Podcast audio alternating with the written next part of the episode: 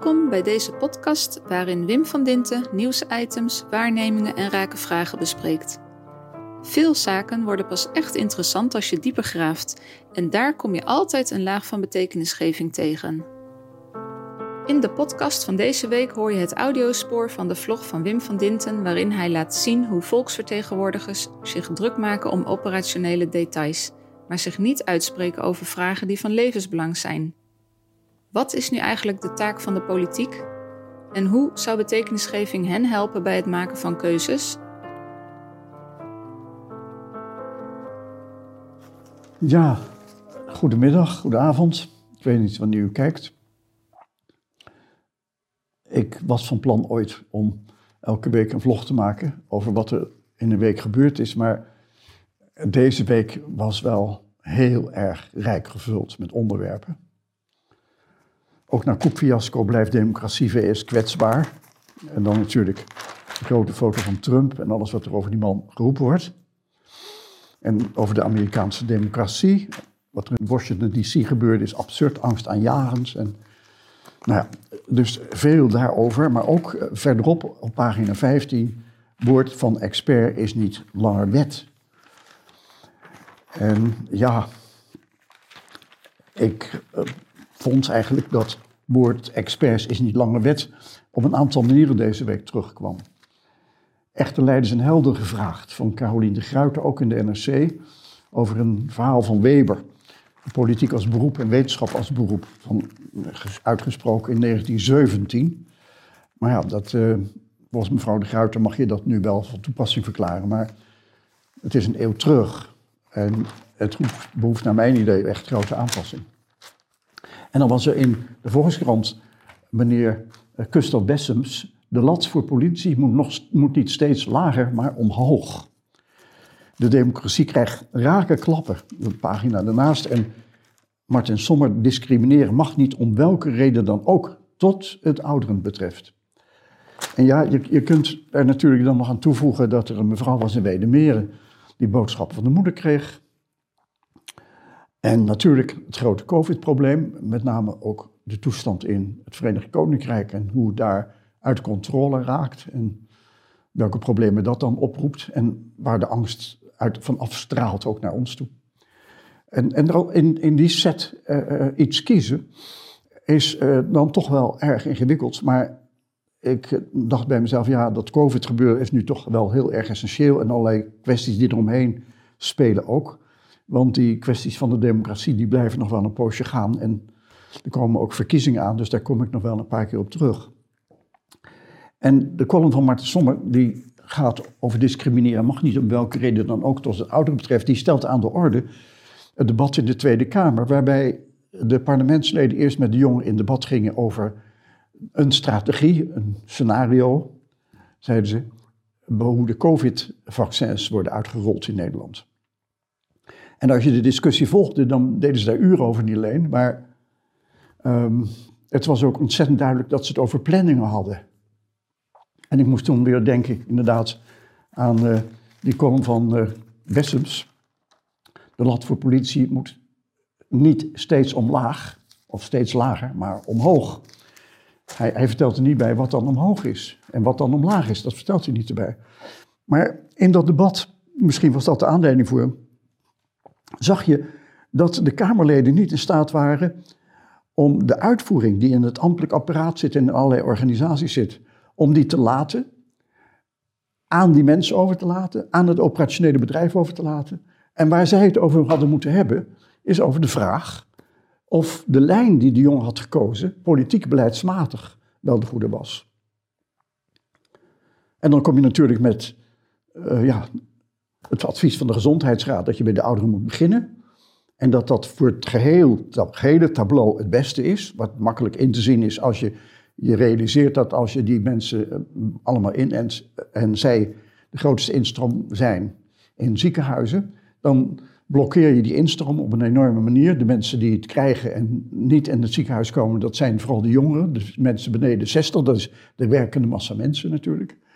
Um, en je, je ziet dan dat op enig moment dat gezondheidsadvies, gezondheidsraadadvies, is weggelegd. En men over is gegaan tot prioriteiten die eigenlijk voortkomen uit mensen die in een organisatie staan, zoals Kuipers en Diederik Gommers. En je begrijpt dan ook dat die mensen, als ze daar staan, denken aan hun medewerkers en daar prioriteit voor willen hebben, want ze hebben het zwaar, wat allemaal waar is. Maar of dat verstandig is, is een heel ander verhaal. En of niet parlementsleden de minister hadden moeten corrigeren op het fijne dat hij daarmee meeging, is weer een ander verhaal.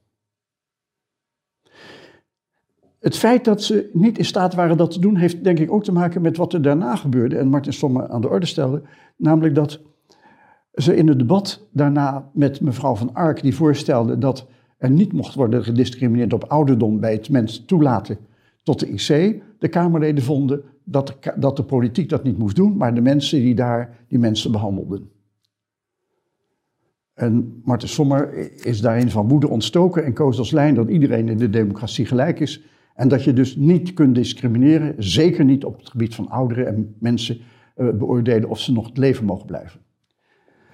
Wat, wat je ziet is dat er iets weg is wat ertoe doet en wat het oordeel bepaalt, of zou moeten bepalen naar mijn idee. En dat is wat nou eigenlijk wezenlijk is voor leven en hoe je daarnaar kunt kijken.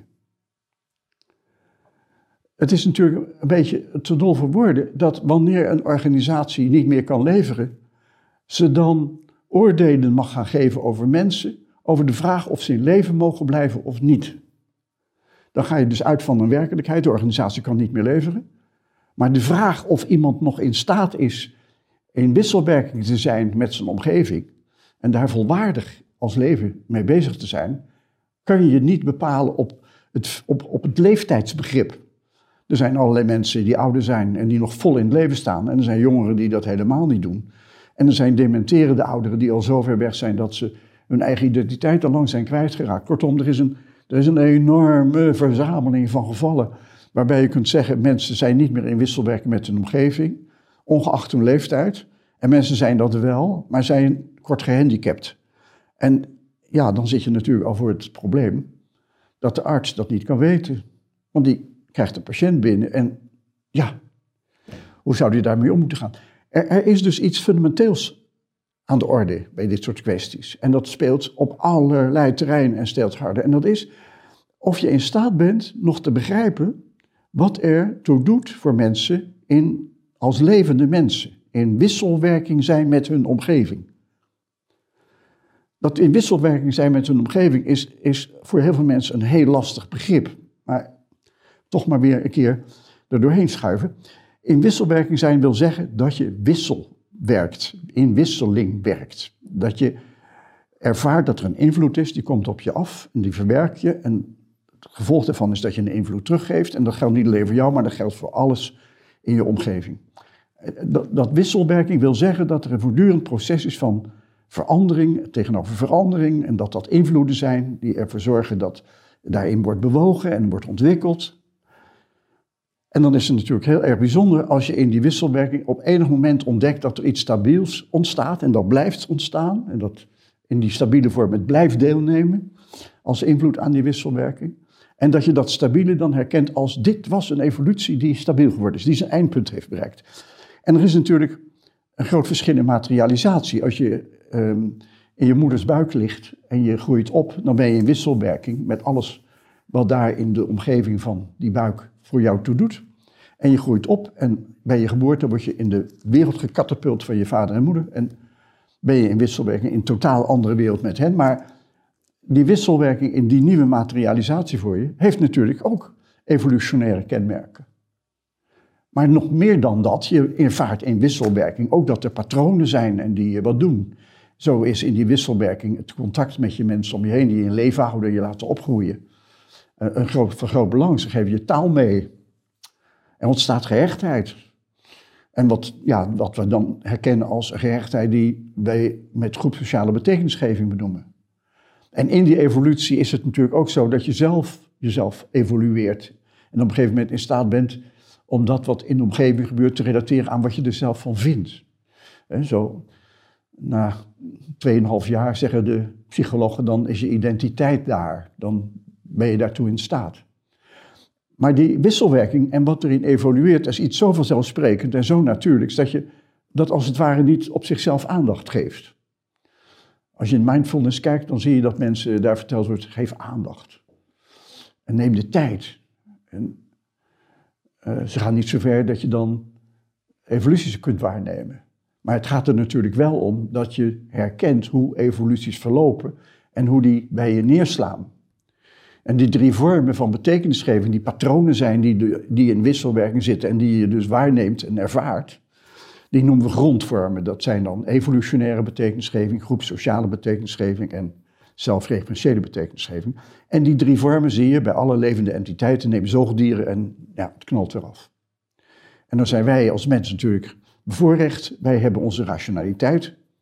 En van al die invloeden die er zijn, die we nooit allemaal tegelijkertijd kunnen weten, kiezen we er dan diegene uit waarvan we denken dat die invloed leidt tot dat verschijnsel wat je dan op dat moment ziet. We rationaliseren het. Omdat, doordat. Hè.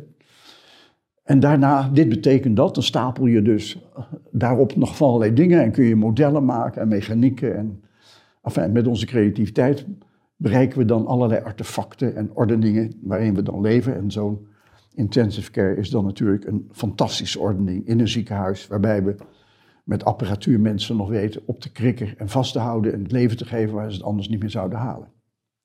En de mensen die dat bedienen zijn natuurlijk fantastische mensen, die ook onze bescherming verdienen en waardering verdienen.